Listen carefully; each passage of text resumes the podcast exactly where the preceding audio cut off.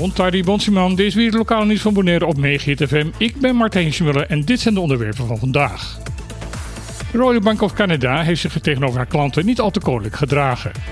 Diverse zakelijke klanten van de bank kwamen de afgelopen weken erachter dat hun rekening bij de RBC plotseling geblokkeerd bleek te zijn. Niemand kon meer geld naar deze rekening sturen en de klant kon geen geld meer opnemen via het betaalpas of overmaking. In verband met de wet ter voorkoming van witwassen en terrorismefinanciering bleek de RBC aan alle zakelijke klanten te hebben gevraagd om extra en actuele informatie aan te leveren.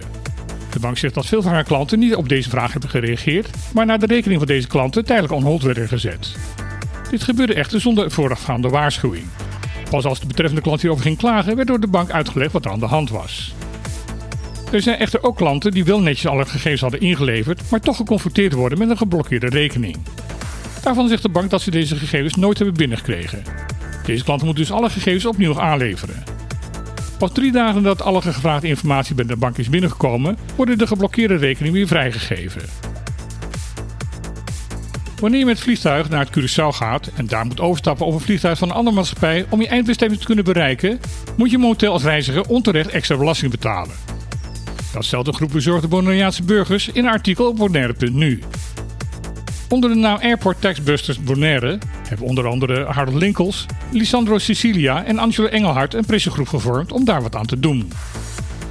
De groep stelt dat wanneer je uit Bonaire vertrekt, een transferfee moet betalen van 15 dollar om in Curaçao te mogen overstappen. Echter, wanneer je dan doorvliegt met een andere maatschappij, blijkt op dat ticket een toeslag te zitten van 63 dollar luchthavenbelasting. Hierdoor betaal je als reiziger 98 dollar aan belasting per ticket. Wanneer je dan met een gezin van vier personen reist, wordt een bezoekje aan de familie op een ander eiland een aardig kostbare zaak. De groep stelt dat door deze gang van zaken de veelbesproken connectiviteit tussen de eilanden wordt tegengewerkt. Daarnaast zegt ATBB dat al een jaar geleden het toenmalige bestuurscollege van Bonaire beloofd heeft om noodzakelijke aanpassingen bij de visitor entry tax door te gaan voeren. De groep vraagt zich af waarom deze beloftes nog steeds niet zijn nagekomen. Sinds 2014 heeft Bonaire een werkend rioolsysteem waar het vuilwater bij de huizen wordt weggepompt en centraal naast het LVV-terrein wordt verwerkt. De totstandkoming van het systeem heeft vele jaren geduurd, waarbij de oorspronkelijke kostenberamingen vele malen zijn overschreden. Daarnaast is het systeem maar heel beperkt. Slechts 15% van het afvalwater op het eiland wordt op deze manier gezuiverd. De rest van het rioolwater loopt momenteel de grond in en eindigt door de poreuze bodem van het eiland uiteindelijk het middendeel in de zee. Daardoor wordt koraal rondom het eiland kwetsbaarder voor allerlei ziektes, zoals de zeer gevaarlijke Skittle D. Volgens prominente wetenschappers van onder andere het Wereld Natuurfonds zijn inspanningen om tot natuurherstel te komen zinloos zolang het probleem van het afvalwater niet is aangepakt. In een artikel in het Caribisch Netwerk zegt verantwoordelijk gedeputeerde Hennis Tielman dat er binnenkort aan uitbreiding van het rioolsysteem wordt begonnen en dat nieuwe wijken worden aangesloten. Hij zegt dat volgende maand daarvoor een opdracht bij de web zal liggen om daaraan te beginnen. Hoeveel procent van de huizen nu extra aangesloten worden op het rioolnetwerk staat niet in het artikel.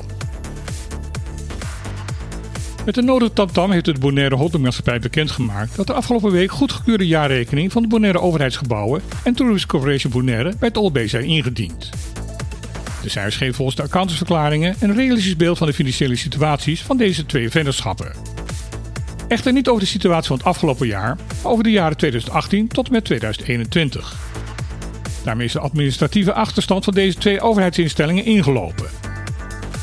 Edely Suzanne Jansen, directeur van de Bonaire Holdingmaatschappij, zegt dat nu hard gewerkt wordt om ook bij de City Bon en Bonlab de enorme achterstanden weg te werken. Daarnaast haar doel om elk jaar op tijd goedgekeurde jaarcijfers voor alle overheidsbedrijven te kunnen overleggen. Dit was weer lokaal nieuws van vandaag op Megahit FM. Ik wens iedereen nog een rustige dag toe en dan heel graag weer. Tot morgen.